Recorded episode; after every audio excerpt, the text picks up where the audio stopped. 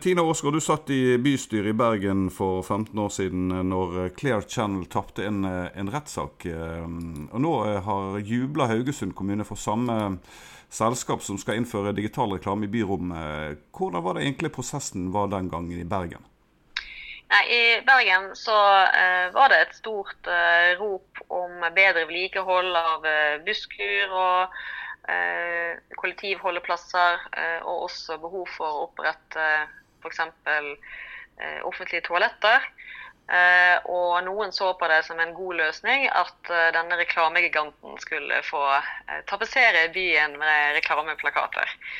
Eh, men etter et ganske stort eh, folkelig opprør mot det hele, så var det mange partier som snudde, og til slutt så var det et bredt politisk flertall som vedtok å avvise avtalen med Clay Channel.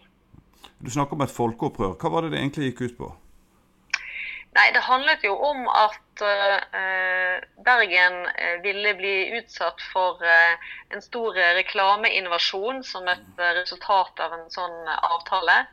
Uh, bergensere er jo glad i byen sin, og jeg tror at det var en, en, av grunnene til at det skjedde et opprør i denne saken. Vi ville ikke at det offentlige rommet skulle bli visuelt forsøplet, eh, og heller ikke at det offentlige rommet skulle kommersialiseres i så stor grad. Eh, I det offentlige rom så kan ikke folk unnslippe reklame, men blir påtvunget reklame, og det ønsket vi å skåne innbyggerne for. Det var jo egentlig et bredt politisk flertall til slutt som gjorde at det eh, da ble saksøkt og vant da i retten mot dette selskapet. Kan du utdype litt eh, nærmere der? Ja, det var jo, I starten var det jo veldig få partier som egentlig stilte spørsmål ved denne prosessen og om dette var en god idé. Eh, jeg satt jo for, for SV, og vi begynte jo å stille spørsmål ganske, ganske, tidlig. Men etter hvert så kom det jo flere aktører på banen som ytret veldig sterk motstand mot dette. Og særlig kulturlivet reiste seg i protest. Um, og mente at dette her var en, en, kommersialisering av byen og en forsøpling av byen som vi ikke kunne, kunne akseptere. Og til og med Kirken meldte seg jo på på slutten, og det var nok veldig medvirkende til at også Kristelig Folkeparti eh, endret syn i, i, denne saken. Så det var en ganske sånn brei folkelig allianse, miljøbevegelsen, kulturlivet, kirken, eh, som til slutt eh, påvirket eh, bystyret i Bergen nok til at det ble et flertall som ønsket å avvise avtalen. Du eh, satt jo den gangen for SV, men uh, daværende byrådsleder Monica Mæland fra Høyre ble jo også veldig fornøyd med at, uh, at kommunen vant den rettssaken. Uh, kan du fortelle litt mer om det?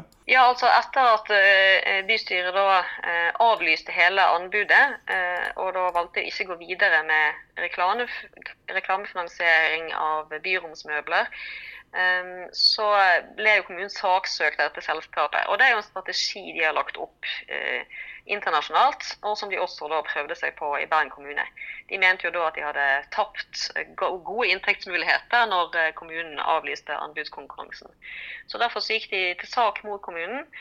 Men den eh, tapte de på, på, alle punkter. Eh, retten sa veldig tydelig at nei, det er bystyret som bestemmer om, eh, om en sånn avtale skal inngås. Og eh, og selskapet, altså Clear Channel, måtte ta risikoen med at eh, den, den avtalen kom til å bli avvist. Eh, og at det er politikerne som tar disse beslutningene, og ikke noe som eh, et selskap, et privat internasjonalt stort selskap kan, kan, kreve å få tilgang til våre byrom. Som bergenser begge to, kan vi, kan vi konkludere med at selskapet nærmest ble kjeppjaget ut av Bergen? Det kan vi nok, fordi at uh, som sagt på uh, Det ble et stort folkelig opprør uh, mot hele Clear Channel. Og de oppførte seg på en ekstremt bøllete måte. Så jeg tror at de aller fleste i hele det politiske miljøet i Bergen fikk veldig avsmak for hele selskapet og måten de opererte på.